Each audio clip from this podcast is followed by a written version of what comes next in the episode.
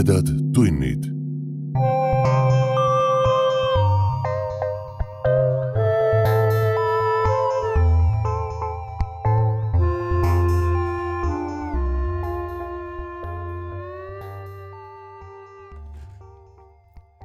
tere, hea ulmesõber.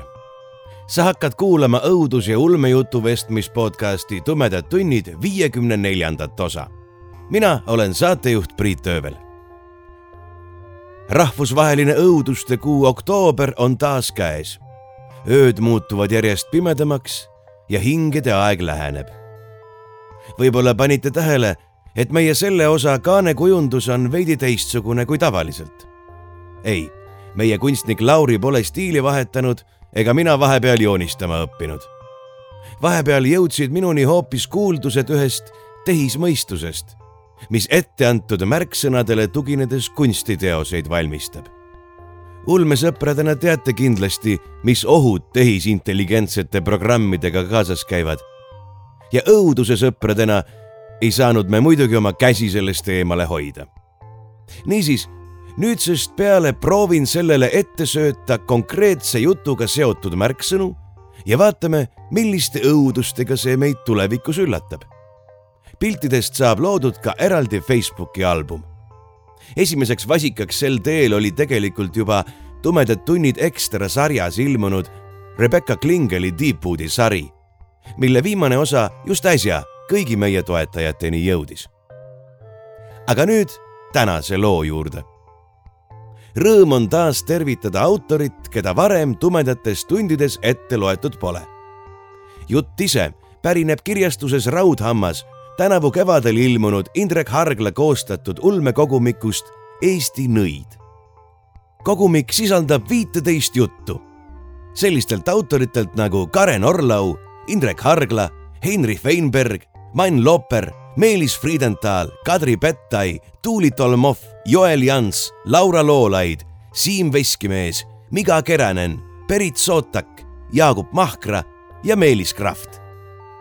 ja kõik need jutud, nagu te juba arvata võite, käsitlevad nõidade teemat erinevates võtmetes ja aegades.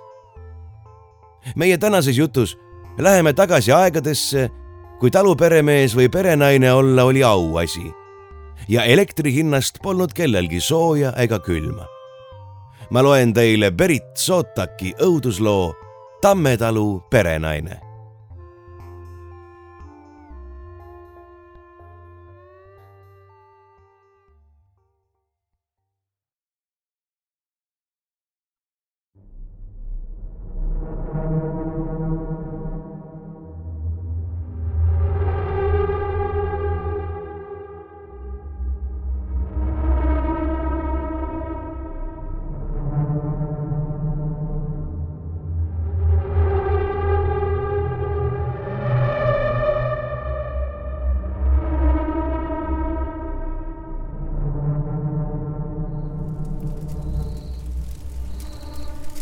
kas ma peaksin alustama oma looga sealt ammusest ajast, kui ma olin veel noor ja me seisime isaga sumedal suveööl leekides tantsiva saunamaja ees.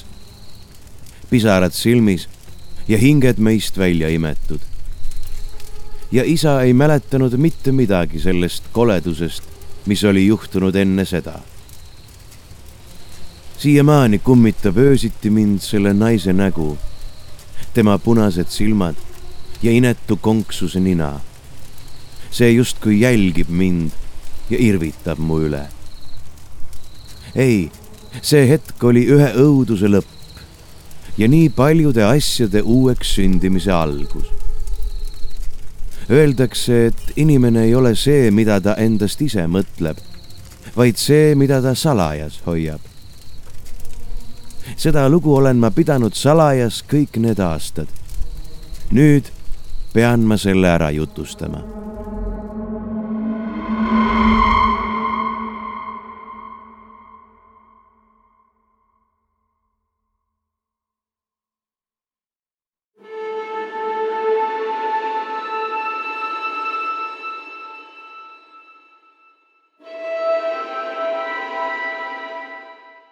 ma kasvasin üles maal, meie talukoht oli teistest taludest üsna kaugel, keset suuri linapõlde. minu isa oli paadunud töörügaja. ta ärkas tavaliselt enne kuke kiremist ja rassis põllul, askeldas loomadega, ehitas, parandas ja rabas. ta tegi kõike seda, mida vaja ja isegi rohkem. tööga hoidis ta oma mõtted eemale kõigist kiusajatest, kurjast ja õelast, mis siin meid varitsevad. töö oli tema usutunnistus. kunagi oli ta olnud teistsugune. ta mängis lõõtsa ja suupilli, isegi jorises laulda vahest. külapidudel kargas ta emaga Reilenderit nagu pöörane, armastas viinuskit ja õlut. eks ta rabas juba siis tööd teha sest ilma tööta oleks talus üsna raske hakkama saada ja sulaseid sa enam nii kergelt ei leidnud. noored kippusid linna minema. aga toona oskas ta tunda elust lõbu. siis suri ema. isa ei mänginud enam pilli ja hakkas piiblit lugema. ta luges ja luges ja luges loomad olid söötmata ja karjatamata, puud olid lõhkumata, vili põllul mädanes. räägiti, et isa oli kangesti poega tahtnud, aga ema sünnitas tütre. hiljem olen ma ise uurinud ja lugenud, et tegelikult võis see olla katk, mis minu kalli ema liiga vara meie juurest ära viis. ent küla peal käisid siiski jutud et ema võis olla lapseootel, sest ta ei käinud enam tantsimas ega heina tegemas. jumal teab, kuidas see tegelikult oli. aga siis jäime me isaga kahekesi. talus ei olnud enam laulu, pillimängu, tantsu ega ema. sulaseid oli meil kokku kolm, siis kaks, siis üks ja viimaks ei olnud enam ühtegi. isa tahtis ennast surnuks töötada. ma küll alati ütlesin, et mina võin samuti puid lõhkuda ja loomi karjatada. kuid isa oli veendunud, et raske töö oligi just see, mis ema hauda viis. eks käidi ikka küsimas, et kas peremehel oleks tööd anda. aga kõik need mehed kihutati minema Nad kippusid tagasi tulema, paluma, et neil on kangesti tööd vaja ja nähtavasti peab isa siin suurt talu ise üleval ja et kindlasti on abikäsi vaja. ühel õhtupoolikul, kui isa naabrimehele suitsupeki vastu piima vahetas, tuli aia taha punapäine noormees. ta võis olla minust vaid kolm aastat vanem. ta rääkis, et kõik tema vennad on läinud Tartusse aga tema on lihtne maapoiss ja tikkus ikka põllutööle. ma kutsusin ta tuppa sooja.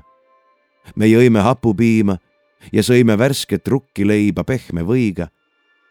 kui isa koju tuli, viskas ta peki käntsakaga otse Aadu poole, mis lõi kruusid laualt maha kildudeks ja maandus toa teise nurka, kust peni selle kiirelt suhu krahmas ning lauda poole ajama pani et ma kuramus sind siin enam ei näeks, röögatas isa, kui Aadu üle aia hüppas ja läbi linapõllu minema jooksis.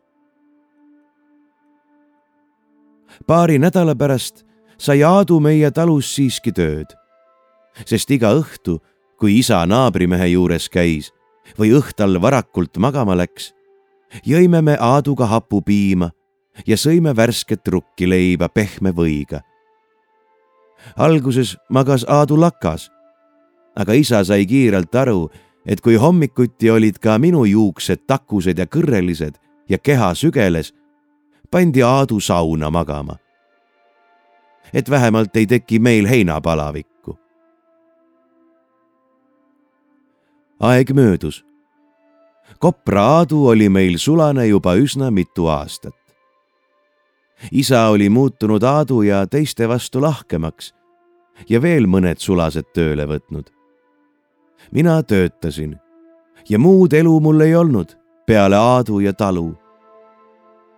Aadu oli aastatega läinud isa moodi, tegi tööd nagu tõuhobune, jõi kanget viinuskit nagu külamees ja armastas põldu kui oma naist. selline oligi meie sauna Aadu.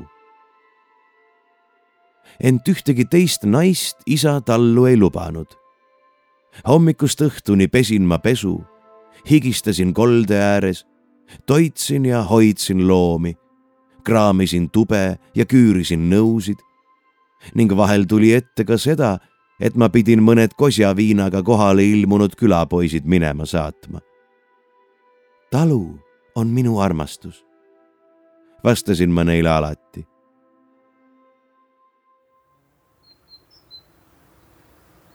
See oli suvine aeg, heinateo aeg, kui meie taluõuele tuli üks hallides kaltsudes naine.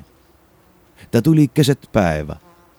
kuumus õhkas nagu vanapagan ise ja naine lihtsalt seisis keset hoovi, justkui ootamas suurt vastuvõttu.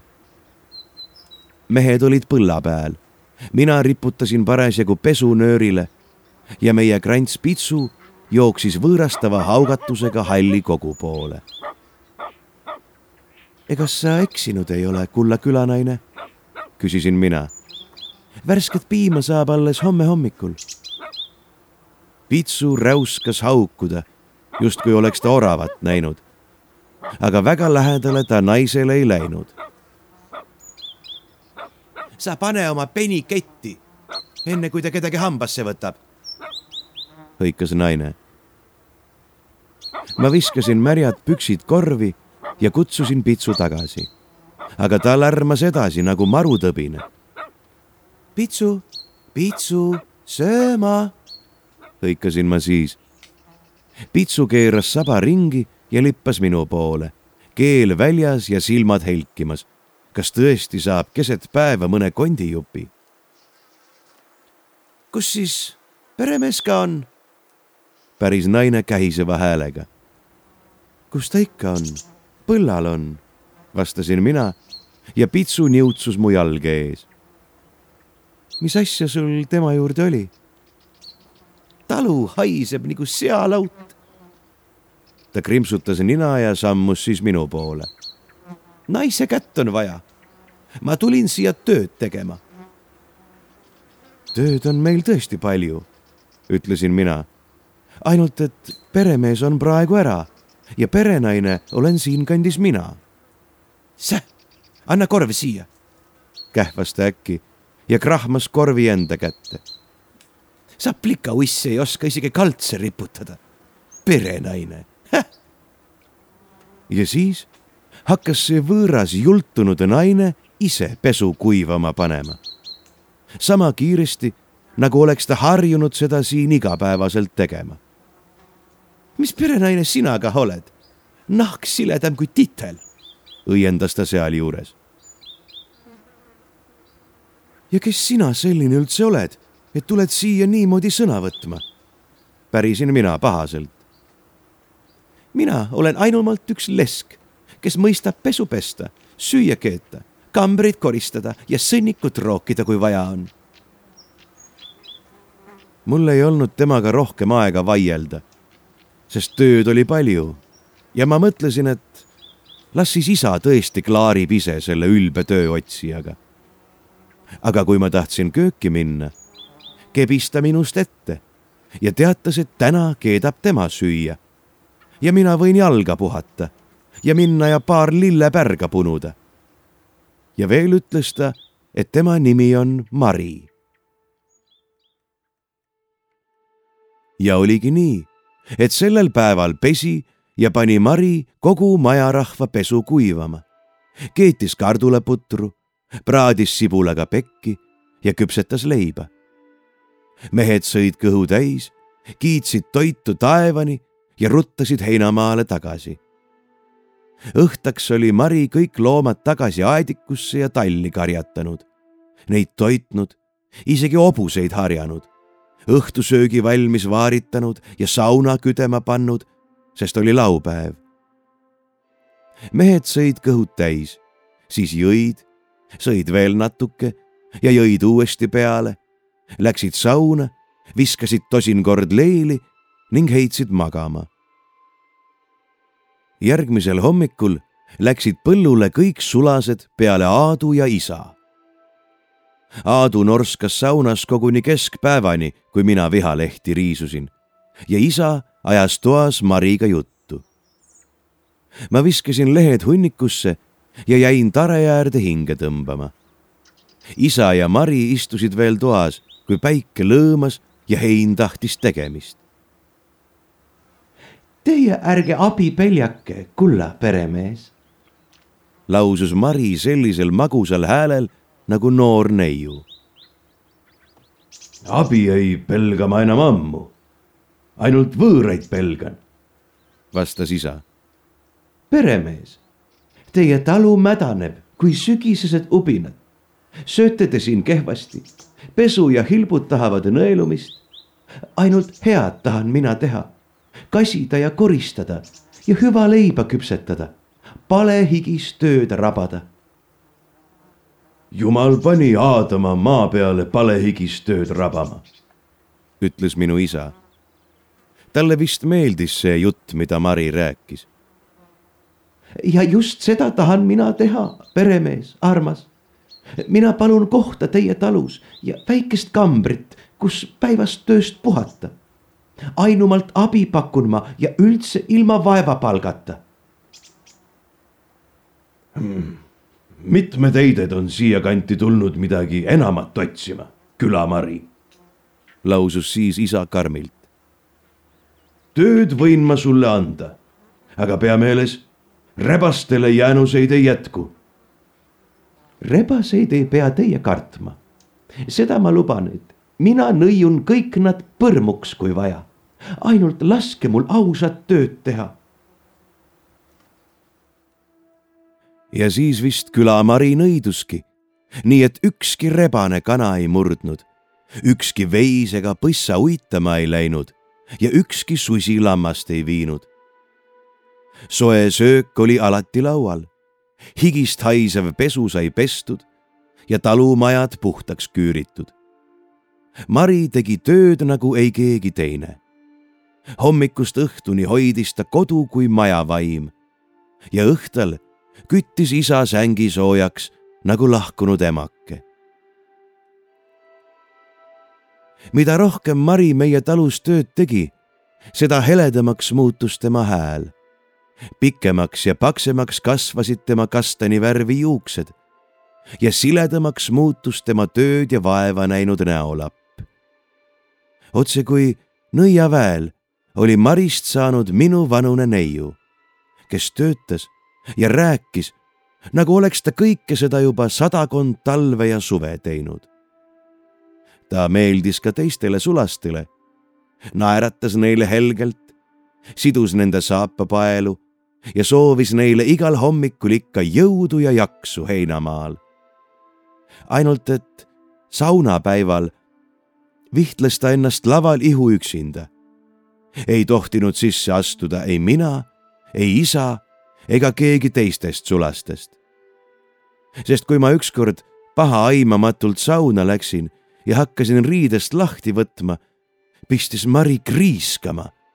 nii et ma välja jooksin, vaid lühike lina ihu peitmas.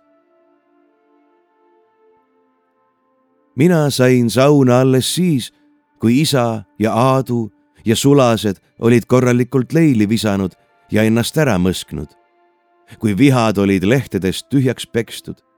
ahjus hõõgasid vaid üksikud söed ja soe vesi oli ammu otsas. rääkimata kogu sellest solgist, mis eelnevad saunalised endast maha jätsid.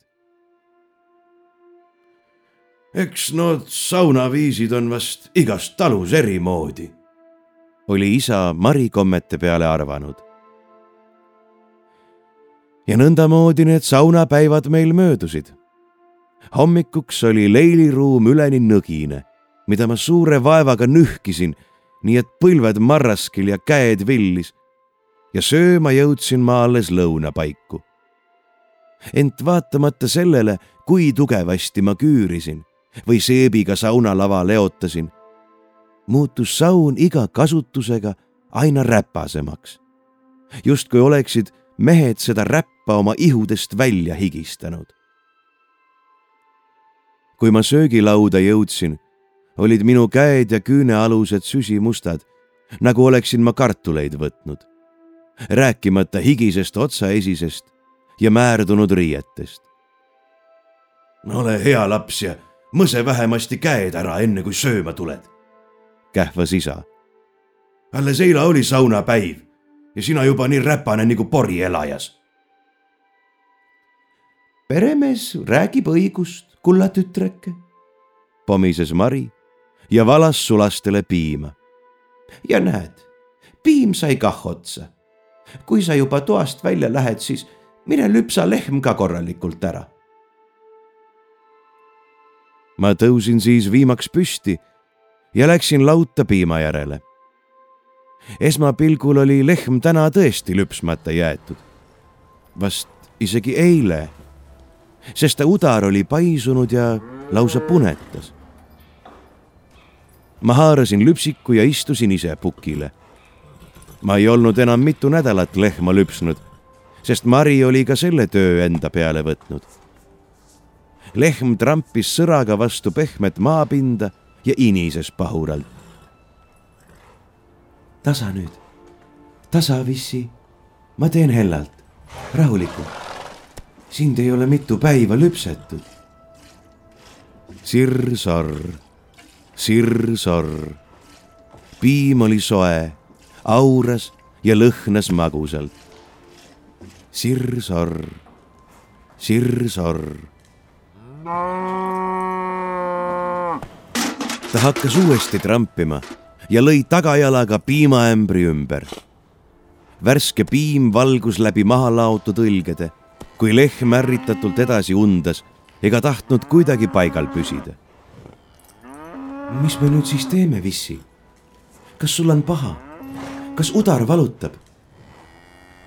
lehm puhus vihaselt ninasõõrmest paksu auru ma hakkasin teda rahustama, paitasin tema turja ja vaatasin üle ta pikkadesse ripsmetesse peidetud silmad ja roosaka nina, mis oleks pidanud olema niiske nagu pitsul, aga oli hoopis kuiv ja kare. ma katsusin ta keha ja kuulsin, et tema hingamine oli raske ja vaevaline. ma proovisin teda uuesti ettevaatlikult lüpsta hoidsin ühe käega ämbrit ja teisega pigistasin õrnalt ta palavaid nisasid. ta hakkas maha rahunema, hingas vaiksemalt ja kurja häälitsemise asemel ta vaid norsatas ja vehkis sabaga, et kärbseid eemale peletada. ma sain siis suure vaevaga ämbri täis ja lehmake näis ka ennast paremini tundvat. koorene piim väreles panges ja nägi nii ahvatlev, et ma lihtsalt ei suutnud vastu panna.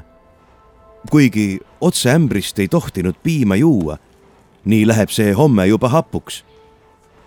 ma langesin põlvili ja kaanisin suure mõnuga ämbrist piima. ma jõin ja jõin ja ma oleksin ennast sinna täitsa ära unustanud, kuid järsku läks lauda uks suure prõmakaga lahti. mis sa siin lürbid? saun koristamata ja puha, marss välja. terve päeva küürisin ma sauna, Mari. Ei jõudnud süüa hommikul ega nüüd. mul on nälg. sööb see, kellel töö on tehtud. nüüd kasi sauna. õhtuni on veel hea mitu tundi aega, küll sa pärast sööd. õhtaks sai saunamaja siiski nõgist puhtaks aga kätel olid villid katki hõõrutud ja verised ma solgutasin käsi jahedas tünnivees, kuid küünealuseid ja nägu ma mustusest lahti ei saanud. õhtusöögiks oli Mari küpsetanud uue pätsi leiba. me sõime silku kõrvale ja pekitükkidega juurikahautist ja jõime piima. ja siis isa äkki käratas. mis asi see nüüd siis olgu? terve ämber piima juba hapu kas sa siis ei tea, et ämber tuleb pärast lüpsi ruttu kaevuvette jahedasse panna? Isa armas, ma lüpsin ennist, kui teie sõite. aga saun oli tarvis puhtaks teha ja suure kiiruga unustasin ma piimaämbri ära. püha issand, no mida me siis nüüd toidu peale joome? ja kõnele, kuidas ühe sauna kasimine terve päeva aega võtab. Aaduga hullasite seal või? Aadu oli ju heinamaal, vastasin ma vaikselt. Mis sa nüüd plikaga pahandad? lausus Mari. kaevus oli täitsa üks piimaämber olemas. andke oma kannud siia, ma valan täis. järgmine kord oled hoolsam ei jäta värsket piima lauta ja ei hakka otse ämbrist kaanima, nigut mõni elajaloom. isa oli minu peale väga pahane. Kohe nii pahane, et enne sängi heitmist käskis ta mul seeliku üles tõmmata ja küttis tagumiku rihmaga tuli punaseks. et mulle jääks ikka meelde, et värsket piima ei tohi lauta jätta isa ei olnud mind juba väga ammu niimoodi nuhelnud. ta ei olnud juba väga kaua niimoodi minu peale vihastanud. isegi siis mitte, kui ma kogemata kuuma söetüki keset kambrit pillasin ja see vaiba sisse augu põletas. tõesti, ta oli alati karmi käega ja andis kohe teada, kui talle midagi ei meeldinud. aga ämbrikese piima pärast oli see minu arvates ülekohtune. seda ma loomulikult talle ei öelnud, sest peremehel oli alati õigus. Too õhtu läksin ma märgade silmade ja punaste põskedega sauna Aadu kõrvale. ma tahtsin tema hellust ja pehmust. aga selle asemel kostitas ta mind vaid valju norsatusega ja surmlämmatava kõhutuulega. ma keerasin ennast ta kõrvale, kuid magama jäin alles tüki aja pärast, kui tagumik enam niimoodi valust ei hõõgunud. Järgmisel hommikul käisin ma kiiresti laudas ja kaesin, et lehm oleks ikka lüpstud. tema nina oli juba veidike niiskem ja udar ei punetanud enam tundus ka, et Mari oli lehmale puhast vett pannud ja viib ta varsti karjamaale. kuna lihavarud hakkasid otsa saama, arvas isa, et oleks aeg üks priskem põssa veristada. meie Mariga seda pealt ei vaadanud. Mari arvas, et naise silm ei tohiks sellist asja pealt näha, sest see võib hädasid kaela tuua. isa viis verise searümba tare taha ülejäänud oli naiste töö. esmalt tuli välja lõigata soolikad ja maha raiuda pea. kõrvad, sõrad ja saba läksid kõik supileeme sisse. pea küljest tuli ära lõigata liha ning piprateradega ära keeta. Rupskid tuli veega ära pesta ja kohe kivikeldrisse viia. isegi pitsu sai ühe mõnusa rupski tükikese terve rümba lõikumiseks läks meil Mariga mitu tundi. riided, käed ja otsaesised verega koos. Mari ei näinud välja eriti tugev, aga nuga hoidis ta kõvasti ja tükke lõikas ilusti. sa oled ka varem siga nülginud, pärisin ma temalt. sinu käed ei värise ja lõiked on sügavad. elus tuleb kõike ette. siga, lehm küülik, kana, mis vahet seal on? aga kõige parem osa on süda. isa ütles, et kõige pehmem liha on siin selja juures. selle tüki eest makstakse kõige rohkem. pehme võib ta olla, aga süda on kõige maitsvam. Ma kehitasin õlgu ja saagisin konti edasi. lihavedelik pritsimas ja kärbsed juba ligi sa jääd siin laisaks, tead, arvas siis Mari. sul on meest vaja. kaua sa siin isa talus ikka kükitad ja saunapõrandat küürid? ise nii noor ja vallatu, käid seal sauna Aadu pool Salamahti külas. tee siis juba parem midagi kasulikku. Minu kodu on siin. ei saa ma siit ära minna.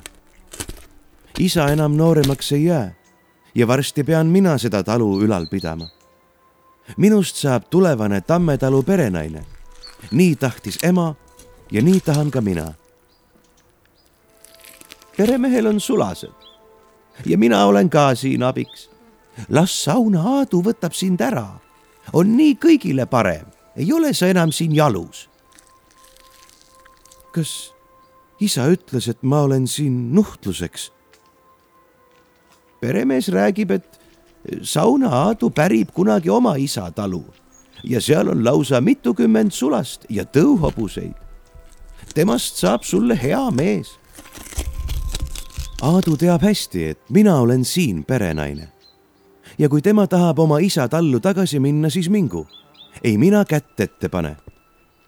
nii ei ole õige nähvas ta tigedalt. nii ei ole õige, et plika pärib isa talu. nii ei ole õige, ei ole õige, ei ole õige. Mari lõikas suurest erutusest endale kätte.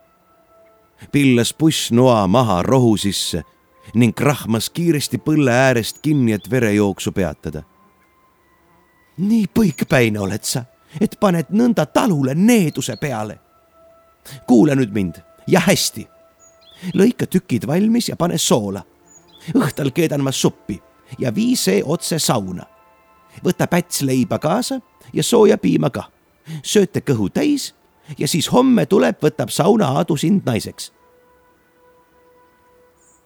ma oleksin tahtnud talle ütelda, et üksinda ei jõua ma kindlasti siga tükkideks lõigata ja siis veel ennast verest puhtaks pesta. kuid Mari ruttas juba minema ma olin päris jahmunud sellest mõttest. kas tõepoolest panen mina omaenda talule needuse peale? kas tõesti tahab isa minust lahti saada ja küla Mariga uut peret alustada? kas Pitsu tiris hammastega seelikusabast ja urises kurjalt. lasi siis lahti ja hakkas haukuma, nagu oleks karu meie linasse jälle ära eksinud Pitsu, kuss, mida sa lõugad siin? said juba süüa? mis see on? lõpeta see haukumine kohe maid, ma ütlen. Pitsu ei jätnud haukumist enne, kui ma võtsin rohu seest üles pussnoa, millega Mari oli siga nülginud ja endale kätte lõiganud. ainult et see ei olnud verine. see oli pigine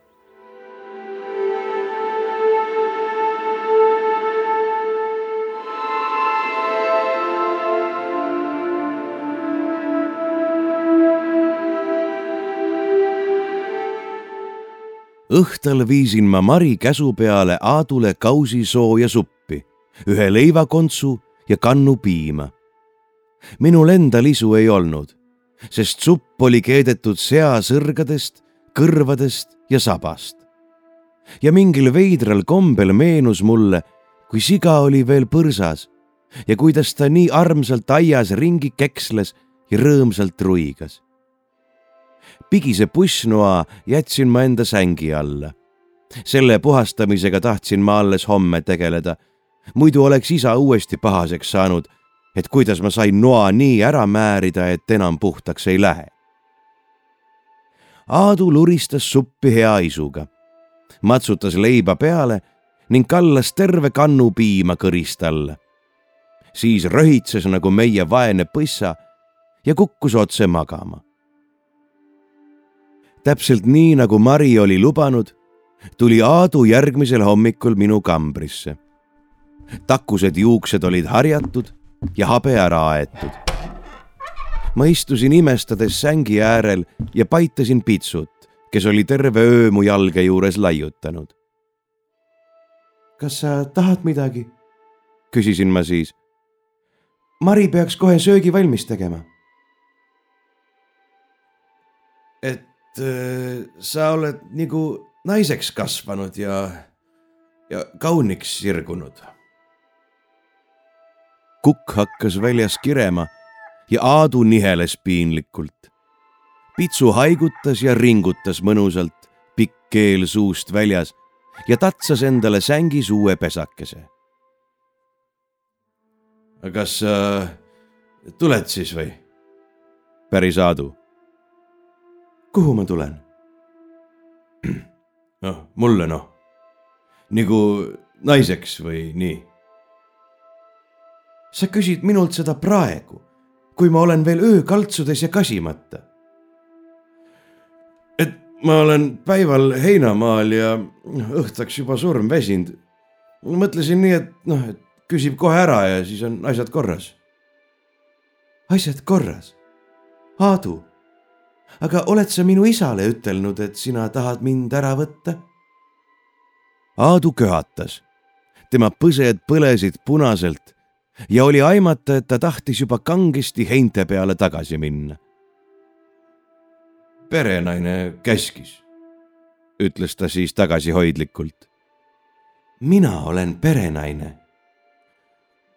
siis käskis Mari.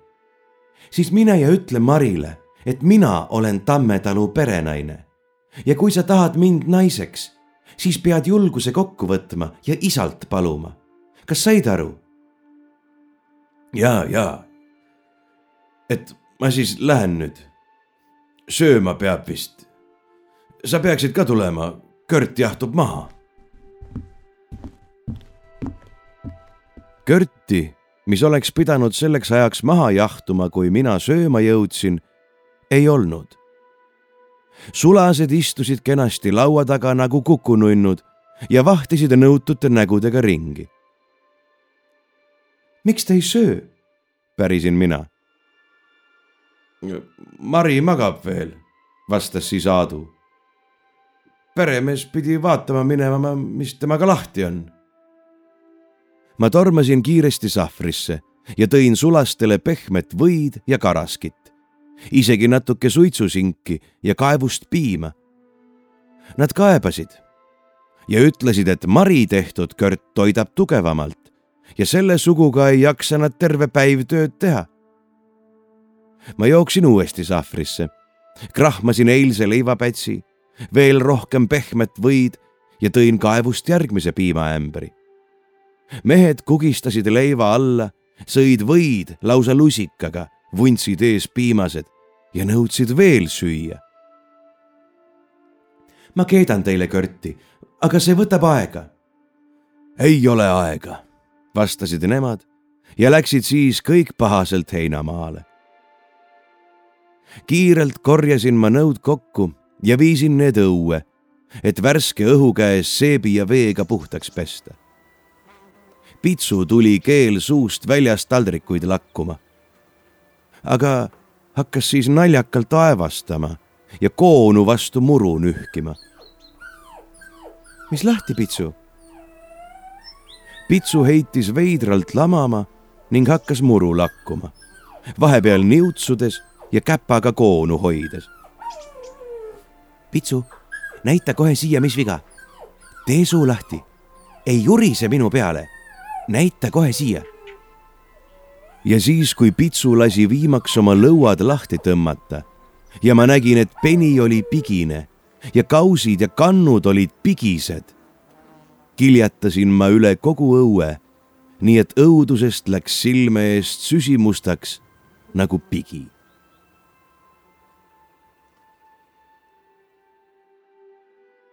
ma toibusin alles palju hiljem, kui sulased olid juba heinalt tagasi tulnud ja uuesti süüa nõudsid. Nende ärev sumin kostis läbi palkseinte. isa, kähisesin mina. isa mis juhtus? päikesepiste, arvas ta ja katsus siis käelabaga mu laupa. ma olen sulle juba ütelnud, et naised ei tohi liiga palju tööd teha. ja nüüd on Mari sängis ja sina samuti. Ma palun Jumalat, et ta jääb hea tervise juurde.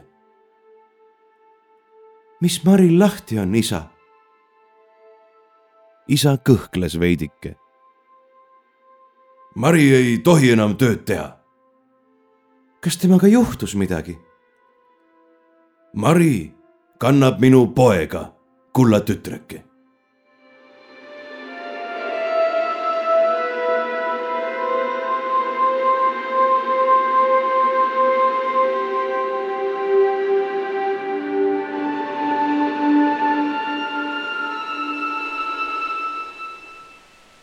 armas emake, ma ei oska sulle ütelda, kui väga ma armastan ja igatsen sind. ma kardan, ma kardan, emake, et isa tahab mind talust minema kihutada ja Mariga uut peret luua. ma asetasin ema hauale küünla ja aiast lõigatud lilled. surnuaed ja kirik olid talust eemal. tükk aega pidin ma siia hobesega ratsutama ja päisel päeval ei olnud siin ühtegi hinge peale minu. emake, kui sa oleksid veel siin, siis oskaksid sa kindlasti mulle juhatust anda. ütle, et isa armastab mind rohkem kui Mari ja et see kõik ei ole tõsi. oh emake, palun luba mulle, et kõik saab korda ja et ma ei pea oma kodunt ära minema. ma ei taha isa üksinda jätta, ma kardan tema pärast ta töötab liiga palju ja magab liiga vähe. mu kallis emake, kui sa kuuled mind ja minu üle kaitsed, palun anna mulle sellest märku. ma kardan nii väga, nii väga.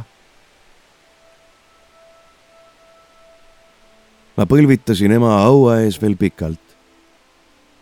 kuni taevas läks pilve ja esimesed vihmapiisad läbi tammepuude mu õlgadele langesid ma pühkisin silmad kuivaks ja kallistasin külma hauakivi. teerada surnuaialt välja lookles vanade tammepuude vahelt, mööda rohimata hauaplatsidest ja vanast kaevust. obene oli rihmaga puu külge seotud ja näksis rohtu. tema lakka paitas kõrvalkülast pärit maalitädi. maali pöördus minu poole sa oled nukker, tütreke, ütles ta, kui ta aeglaselt hobust edasi paitas. sinu sees on suur valu ja sa tulid siia, et oma emakeselt abi paluda. maalitädi ulatas mulle siis linase räti ja kallistas mind kõvasti. ta lõhnas nagu seep ja kummelid ja roosipõõsad. kulla tütrik, sinu süda puperdab kiiremini kui jänesel. sa tule üks päev meile ja ma keedan sulle head jooki, mis rahustab. kas talus on palju tööd? tööd on alati palju, tõdesin ma nuuksudes. ma, ma kohe tõesti pean nüüd tagasi minema. varsti tulevad sulased lõunale ja nõuavad sooja sööki. räägi, tütreke räägi, mis su südamel on. ma nean Tammetalu ära. Mari ütles nõndamoodi, et mida kauem mina perenaine olen ja tööd teen, seda suurem on needus, mis meie talule langeb. kõik, mida ma katsun, muutub pigiseks. piim läheb hapuks. lehmal on udarapõletik, saun on lõpmatuseni solgine, penikeel on pigine ja ta oksendab verd liha läheb kivikeldris mädanema ja sulased ei saa kunagi minu toidust kõhtu täis. aina nõuavad juurde ja juurde. meie talu on neetud. aga minul on ikka nii kohutavalt raske ära minna ja isa üksinda jätta.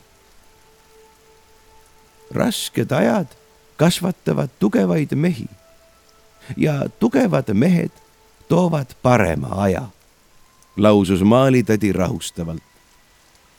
Tammetalu ei ole neetud, sest needust saab peale panna ainumalt tugeva jõuga nõid. Tammetalu on neetud, ma tunnen seda. kõik, mida ma teen, läheb valesti ja keegi kannatab. ma kallasin kõige nooremale sulasele vähem piima kui teistele ja järgmisel päeval lõikas Aadu talle vikatiga jalga. isa on keset suve nohune ja kanad tikuvad aedikust välja, nii et hunt on juba mitu kana endale söögiks võtnud. kuula nüüd mind ja kuula hästi. sa usud, et talu on neetud. selle peale ütlen mina sulle, et iga naine on nõid. igal naisel on vägi, mida meestel ei ole. ja kui sa väga usud, tõesti usud ja jätad piibli kappi peitu, siis teed sa needuse põrmuks. sinu hinges ja kontes on ka see iidne vägivõim ja see tahab väljapääsu. mina usun sinusse ja sinusse usub ka sinu emake. mine nüüd koju. mul on selline tunne, et nad ootavad sind kangesti tagasi. ja kangesti tagasi nad mind ootasid. sest mina kappasin mööda tolmuseid põlluteid, üle õitsvate väljade, läbi kuusemetsa ja soo ja lagendike ja aasade ja järveveerte, et jõuda tagasi kodukohta, minu kodukohta, kus isa ja minu poolvenda ootav Mari ja sulased segaduses lauda ees seisid ja üksteisest üle hõikasid mina ei oska. mina ei ole naine. see on minu silme jaoks liiga verine. peremees, kas ma toon vett juurde? kas kaltsi on ka vaja? Mari, miks sa ometi midagi ei tee? tüdruk ikka teab, mida teha. ma hüppasin obeselt maha ja jooksin kui tuhat tuult otse lauda poole, mille ees kõik kohkunult seisid. ja nägin, et kosunud lambake oli põhu peal pikali ja ägises. kuulake nüüd mind ja kuulake hästi. tooge mulle tulises vees keedetud kaltse, puhast kaevuvett ja üks terav nuga, käskisin mina. ja siis nad vahtisid mind imestunult, kui ma ute ette põlvitasin. Aadu ulatas mulle kuumad rätid ja ma seadsin ute jalad piisavalt harki. ta küll põikles vastu oli rahutu, kraapis aluspanu ja krigistas hambaid. ute tagaosast immitses lima, aga tallekese pea ja jalad olid juba nähtaval. ta surus ja määgis, surus ja määgis, surus ja värises üle keha. ma paitasin kergelt tema villast keret ja laususin vaikselt, et see valu läheb üle ja siis on kõik hästi ning kohe varsti näeb ta oma esimest tallepojakest. Utt lõpetas kaapimise ja viimase häälitsuse peale libises terve lambatall välja. üleni limane, aga elutu ja soe nagu märg kalts, millega ma teda puhastasin. ma toppisin oma sõrme tallekesele suhu. Tall hakkas innukalt mu sõrme imema ma pühkisin kuuma rätiga talle nina puhtaks, et ta saaks korralikult hingata. lõikasin noaga läbi nabanööri ja panin siis tallekese otse ute kõrvale, pehme põhu peale. utt hingeldas veel, aga märkas siis talle ja hakkas teda puhtaks lakkuma.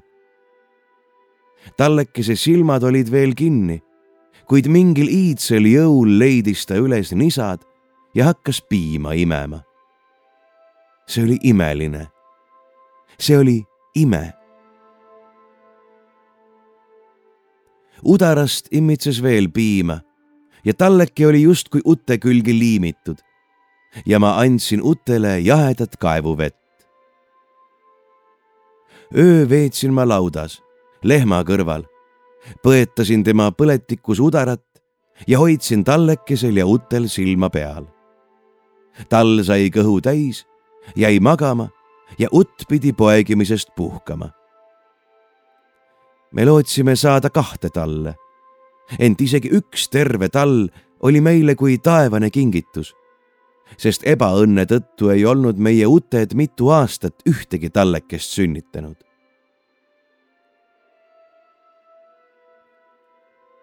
Varahommikul keetsin ma sulastele kolm pajatäit körti riivisin sisse varajasi ubinaid, panin igale kausile suure kulbiga pehmet võid ja lauale metsmaasika keedise. kuid kõik läks nagu ennist. meestel olid kõhud ikka tühjad. pada oli kördist tühjaks kraabitud, võinõud tühjaks lakutud ja piim sai kaevust otsa. Ma saatsin sulased tööle, endal süü sees pitsitades, et neil kõhud veel tühjad on ja piim on täitsa otsakorral. pärast viisin ma kördikausi koos pehme või ja magusa maasikakeedisega isa kambrisse, kus Mari pikutas. ta magas veel. tema kõht paisumas iga päevaga nagu mädanev vill. ja ma raputasin teda kergelt õlast. Mari, toit on veel soe. Mari mõmises midagi seletamatut ei taha ma sinu keedetud toitu. sa pead midagi sööma. sinu laps vajab praegu jõudu, et kasvada. minu laps? ägises Mari ja keeras siis ennast väsinult minu poole. ma kannan sinu poolvenda, Tammetalu tulevast peremeest ja sina kutsud teda labaseks lapseks. anna mulle andeks, Mari. ma ei tahtnud halvasti ütelda. too mulle sooja piima meega. selg valutab, kus kurat. ole nüüd pai mine pane mulle lõunaks too seasüda potti keema.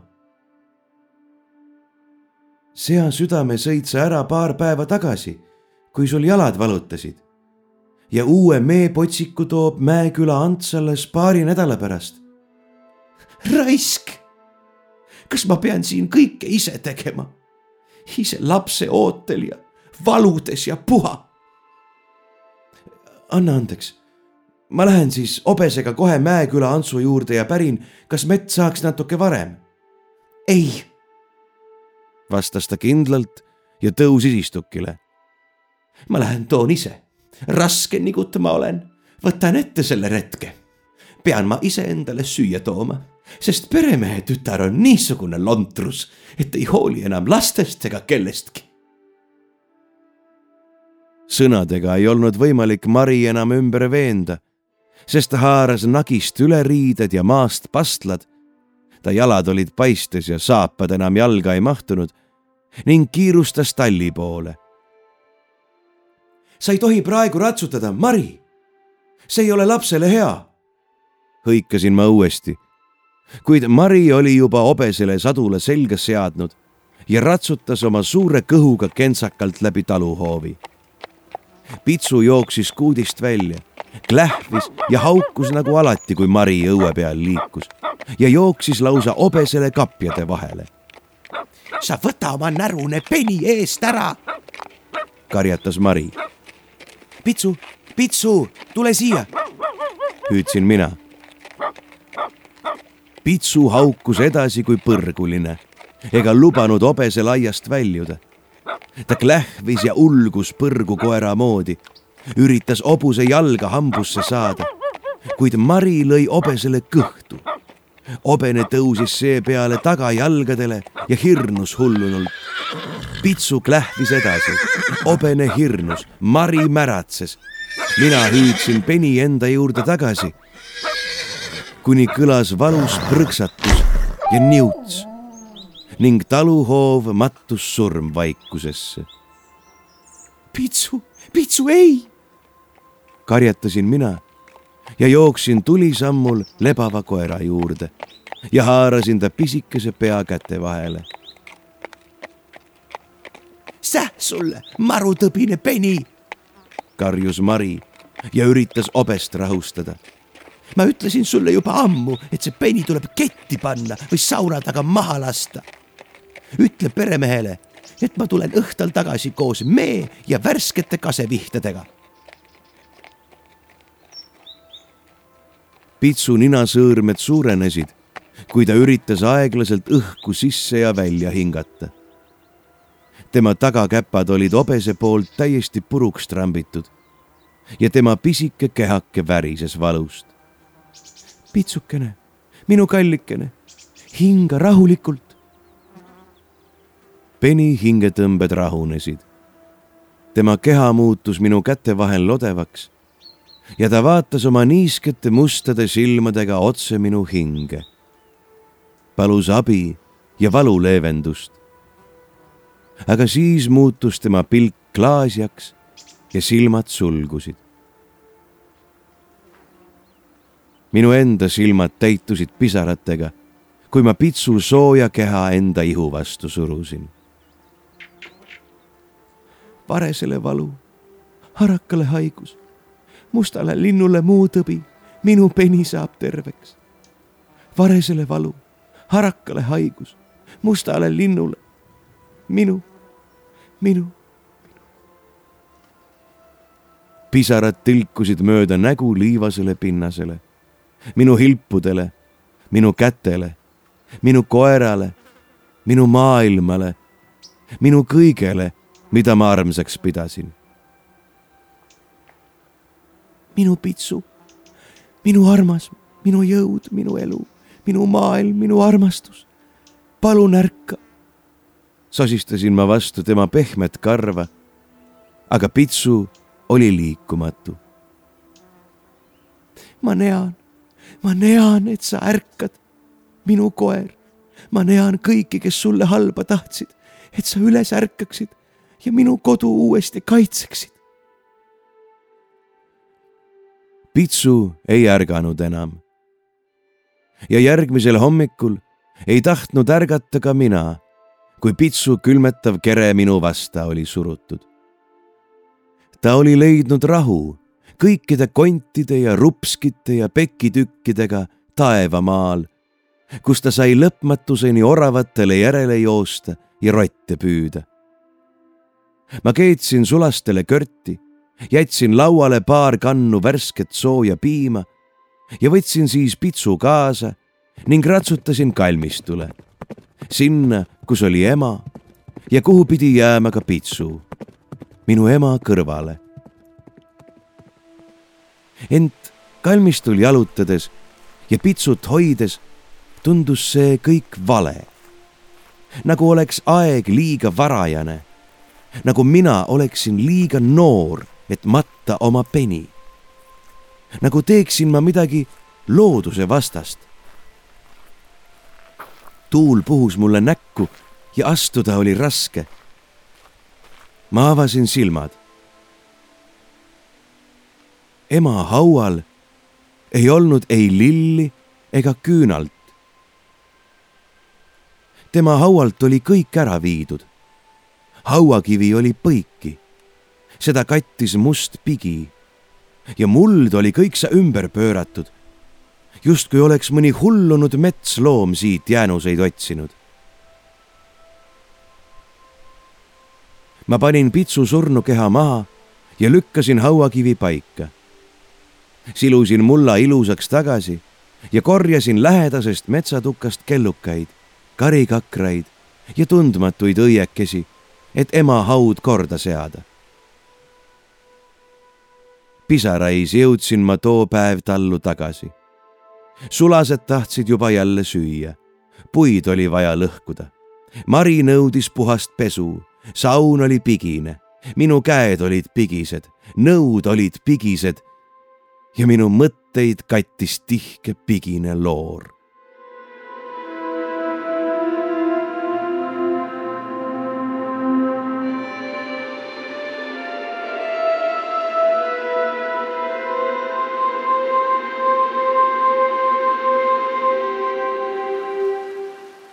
see oli tohutult vihmane aeg.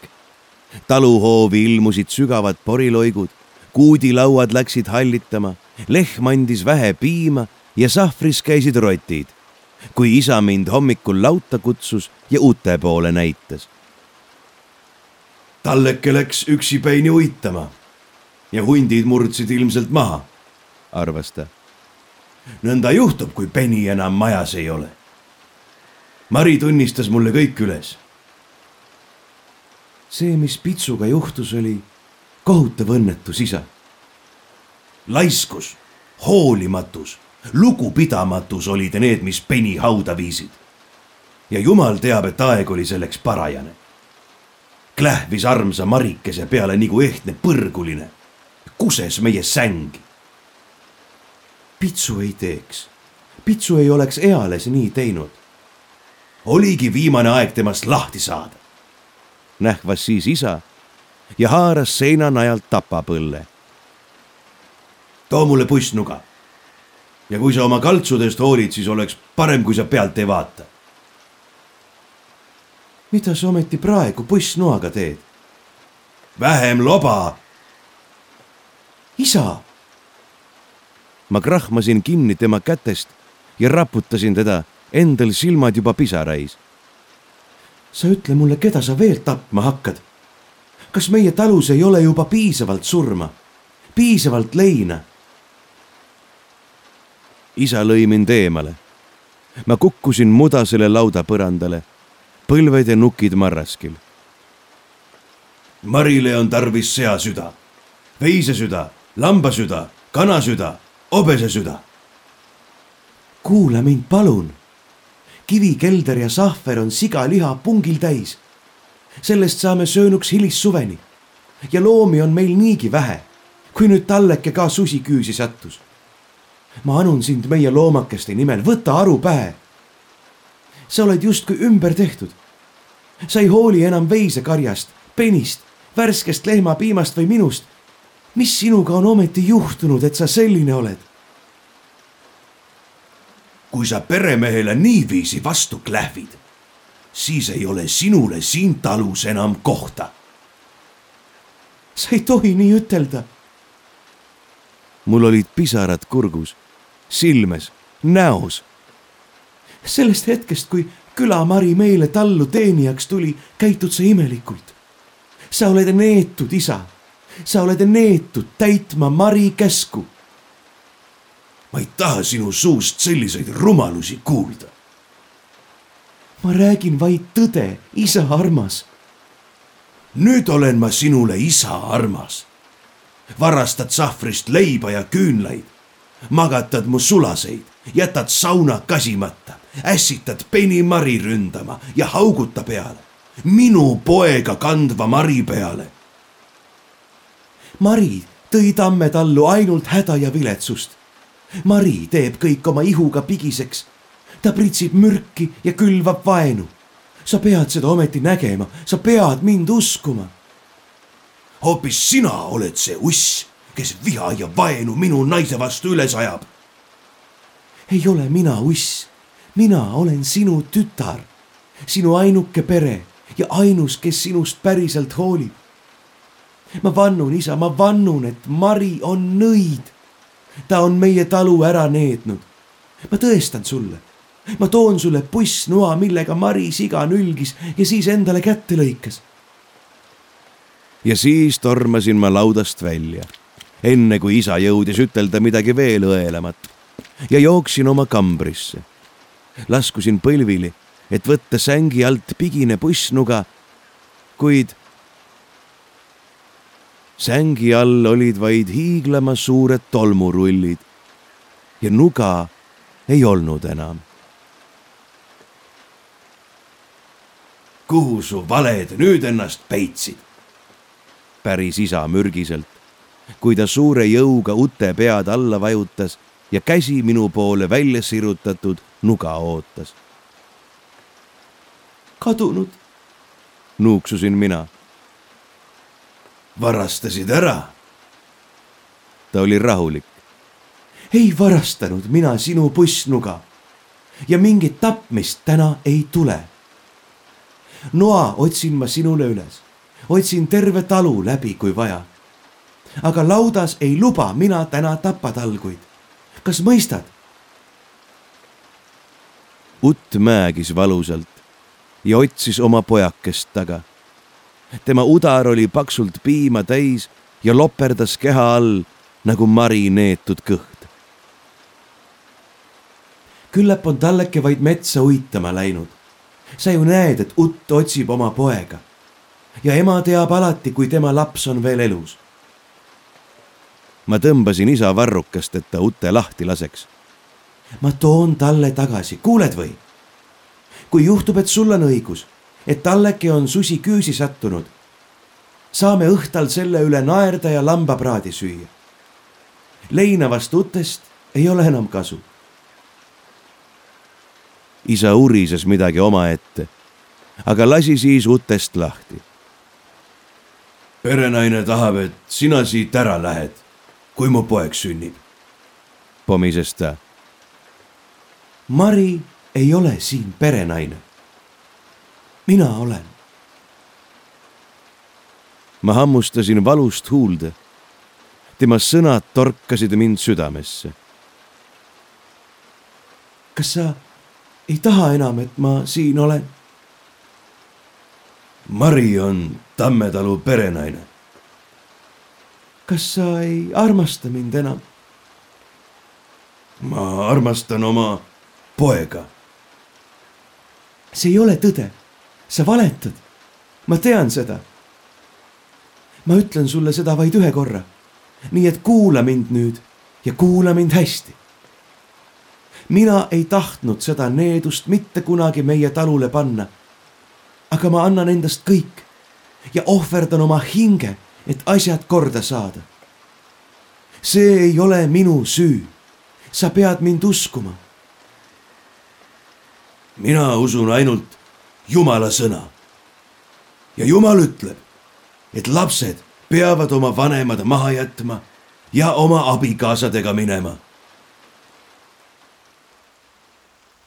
mu kondised käed värisesid hirmust ja kaotusest ja valust, kui ma obesele päitsed pähe kinnitasin, sadulasse hüppasin ja hämarduva männimetsa poole kappasin. obene hirnus ja tormas, nagu oleksid põrgu elajad meid taga ajanud. vihm muutis ratsmed libedaks. Neid oli raske haardes hoida ja obest juhtida. see tegi vihaseks ja kurvaks. kõike samal hetkel. ma hõikasin tallekest, hõikasin uuesti ja siis veel kord aga mets kattus pigisesse pimedusse ja mul tekkis hirm. Hirm kõige ees, susikarja ees ja surnute ees, metsavaimude ees ja minu enda ees. sest mustas metsas säras kullakarva valgus. ja ma olin vist tõesti juba kindel, et olen eksinud ja minu teed juhib eksitaja haldjane, kes mind kohe nii ära eksitab, et ma oma kodutalu enam eales ei näe. Ma olin obesega jõudnud valguskera juurde. kuid eksitaja haldja asemel leidsin ma hoopistükkis kaltsudesse riietatud Mari, kes keset pimedat metsa küünlaid põletas ja tillukest tallekest oma süles hoidis. tema ees olid mädanevad loomasüdamed, mitu seasüdant, ühe kana oma. issand, kas ta oli vahepeal kanaaedikusse pääsenud? ja üks ebamäärase suurusega süda, mida ma ei tahtnud kohe üldse inimese omaks tunnistada ainult et see ei olnud enam külamari, kes meile teenijaks tuli. ei, see oli keegi, kes oli kehastunud mariks. ent nüüd paljastus tema tõeline hing. neetud küll, see siga on neetud, küünlad on neetud, see talu on neetud, see neetud plika on neetud pomises Mari ja pööras siis pea aeglaselt minu poole. tema silmad tumedamad kui eales varem. tema nina veidralt konksus, nagu oleks ta mitu korda küla peal kolkaga peksa saanud. vahi, vahi sa tulidki ja tõid mulle värske obese süda. täpselt nii, nagu ma tahtsin. ma tulin siia, et see hullus ükskord otsa saaks, Mari. kui Jumala ema nimi on sinu päris nimi? minul on olnud palju nimesid. põrgumari, süvahava arbuja, piginänn, mustnõid. sa tead maailmast vähe asju ja minust veel vähem. kägises ta. isa peab teadma, kes sa tegelikult oled milline sa tegelikult välja näed. sina nõiamoor. ma hüppasin pehmesse samblasse ja haarasin tallekese sõrgadest kes hakkas selle peale haledalt häälitsema ja pead raputama. kuid Mari hoidis temast veel kõvasti kinni ja pigine pussnuga oli tema kõri vastas. ohverdust, mul on vaja ohverdust. kriiskas ta rüveda häälega. ükskõik, mida sa armsaks pead, sea südant, veise südant, talle südant, peni südant, sinu ema südant, sinu südant. tema koledate sõnade peale läksid minu käed nõrgaks ja keha lõtvus. mul hakkas kohutavalt paha. mis nüüd? sa ei oska enam kõnelda. sa kuulsid mind väga hästi. mul on südameid vaja, et tuua siia ilma uus ja õige Tamme talu pärija. kõike seda, mida sinu isa kalliks peab. oled vaid sina, ära hellitatud ja laisk plika. ja seda, et ta sinust enam ei hooliks, oli väga raske korraldada. magamata ööd tema soojas sängis, mitmed loomaohverdused, pangedes värsket piima ja ahjutäis sooja leiba. aga raisk ikka hoidis kinni, ikka mõtles vaid sinust ja soovis, et sina tema tallu kopitama jääksid. ja siis lõi mulle välgatus, kui sa tahtsid neetud lehma paitamisega terveks ravida. ma pean tapma ka kõik selle, mis on sinule nii armas.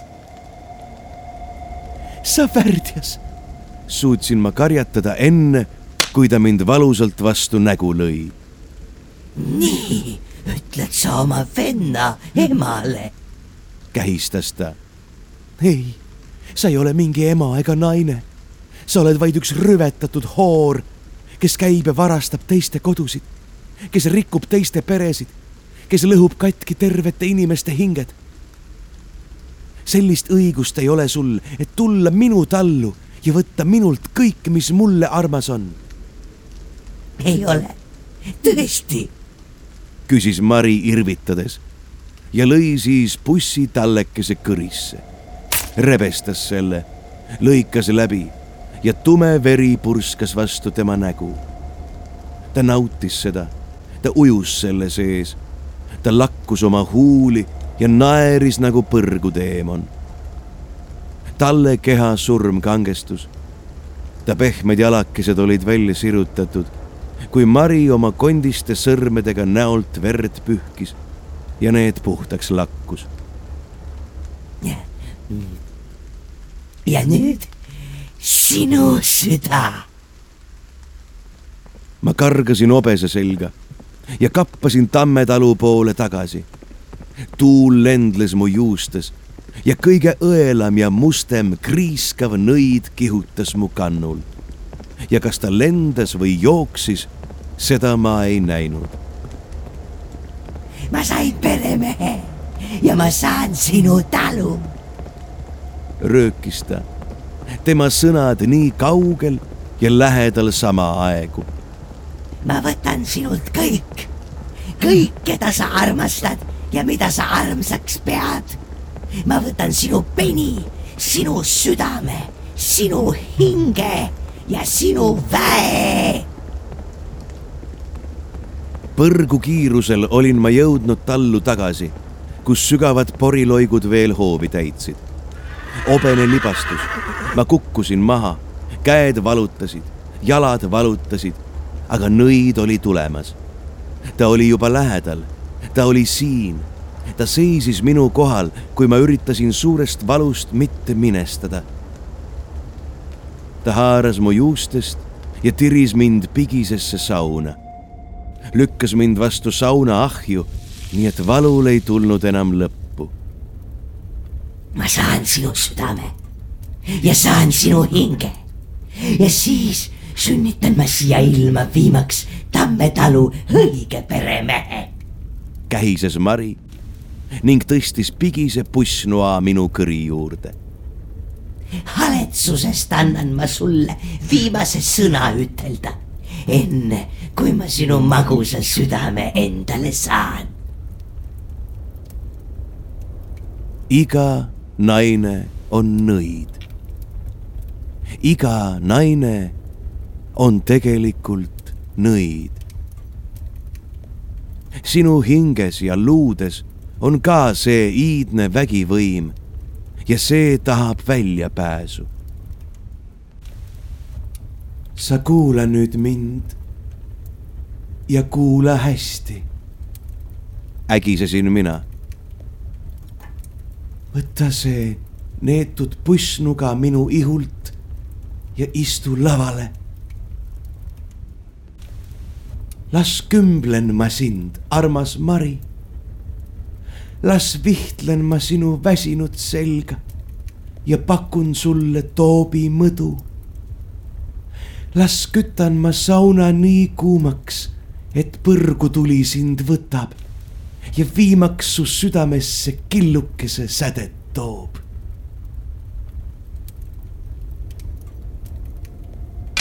pussnuga kukkus kolinaga minu jalgade juurde. ma haarasin sellest kiiresti kinni. Küürakas ja mädaselt haisev nõid istus rahulikult saunalavale.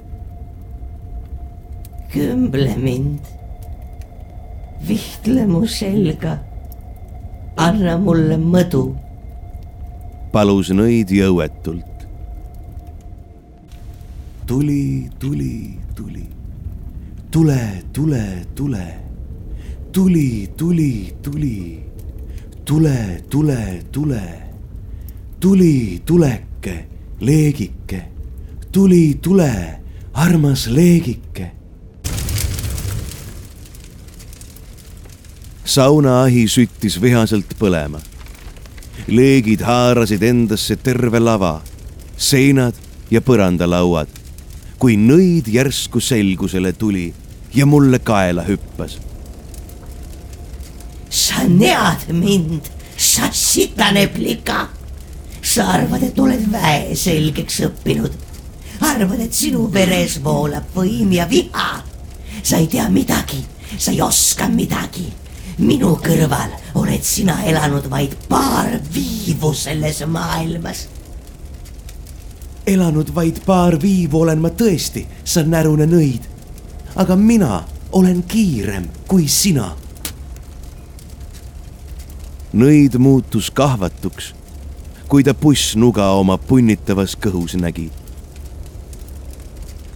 nõia kõht purskas hetkega laiali temast voolas välja vaid aurav ja kleepuv pigi. tema silmad lõid leegivärvides tulipunaselt põlema. tema inetu punnidega nina venis pikaks, hambad kukkusid välja, kortsud venisid põranda poole ja hingeõhk lehkas kui mädanev laip. Sa ei tea, mille sa äsja endale kaela tõid, plika. ma näen ma näen su tulevikku, ma näen kõik see su armsa, ma näen su hinge. nea nõid, nea ja too endale kõik tosinkordselt tagasi, sest iga naine on nõid. aga igal nõial on vaja elujõudu, elusat ihu ja südant ja hinge, mille sina oled ammuilma ära ohverdanud nõia Mari karjatas ja röökis, kui pigi tema silmadest välja immitses. kui tema punased silmad punni läksid ja pingutusest lõhkesid.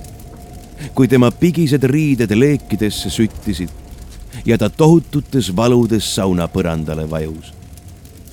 alles nüüd ma mõistsin, miks Mari ennast saunas üksinda kümbles. Tema välja veninud rinnad ulatusid jalgadeni tema südame kohal oli pirakas arm ja terve tema ihu oli täis pigiplekke. viimast jõudu kogudes tõusis ta põlvili, sülitas mulle tulist pigi otse kaltsudele, rögises, kondid ragisesid, kiunus ja ulus valust. ma, saan su talu ma haarasin kinni tema kõrist ja keerasin tema pead sellise jõuga, et isegi leekides praksuvas saunas oli õõvastavalt kuulda tema kaelakondi murdumist. et sa enam iial minu talu ja minu peret ei himusta. sosistasin ma tema laiba kohal ja sülitasin maha.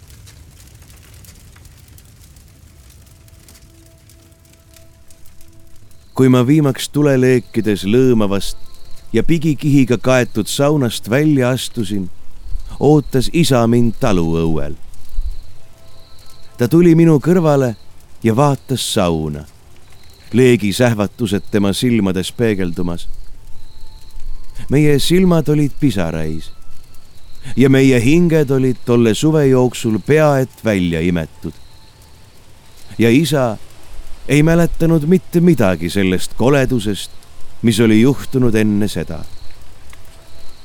aga mina nägin leekides nõiamari nõiduslikku nägu, inetut konksuse nina ja punaseid silmi, mis mind veel pikalt unenägudes jälgisid, irvitasid ja kummitasid. ma tõin tagakambrist viinuskit ja ulatasin selle isale. Ta võttis korraliku sõõmu ja viskas siis pudeli lagunevasse saunamajja. saun põleb, ütles ta hämminguga. tütreke, meie saun põl põleb. ma toetasin pea isa õla vasta ja nutsin. armasta mind, armsamini enesest, armas isa armsamini emast, isast, heinapõllust ja talust. keegi surus ennast minu jalge vastu, nõudis hoolitsust ja pai ning hakkasin jõutsuma.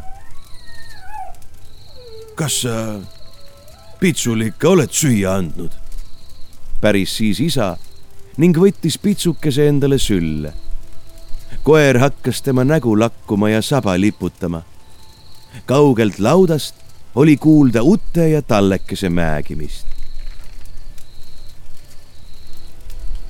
minu armas Pitsu, minu kodu kaitseja. laususin ma vaikselt penile ja lasin temal ka minu õnnepisarates nägu lakkuda. ainult mina olen Tammetalu perenaine. Ja mina valvan meie kodu aegade lõpuni.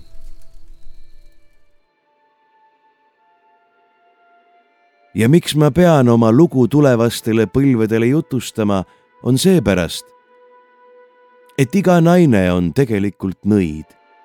Ja meie keskel elavad märkamatult need kõige jäledamad, õelamad ja omakasupüüdlikumad nõiad, kes tahavad meie kodu ja meie vara, aga kõige enam tahavad nad lõhkuda ja ära võtta meie oma peret sa ei saa minu kodu, sa ei saa minu peret, sa ei saa lõhkuda minu hinge. ma nean sind, Mari, ma nean sind pihuks ja põrmuks, sest ka mina olen nõid. palju vägevam, kui sa arvatagi oskad. Sest ma lähen läbi vihma ja pigi ja tule. kuna veri on paksem kui sinu õelus ja ahnus.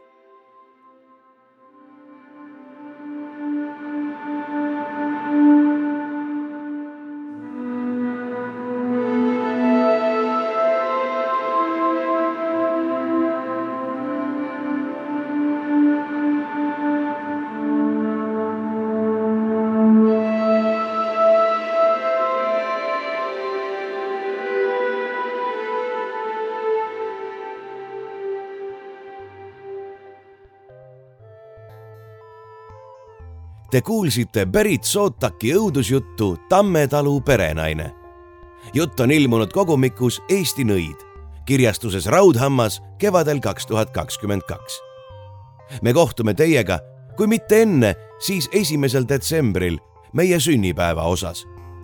enne aga, kui see kätte jõuab, palume kõigil toetajatel üle vaadata oma kontaktinfo Patreonis, sest nii mõndagi neist võib sel ajal oodata postipaki teade. jagage meid ikka oma sõprade ja vaenlastega. kõhedate kuulmisteni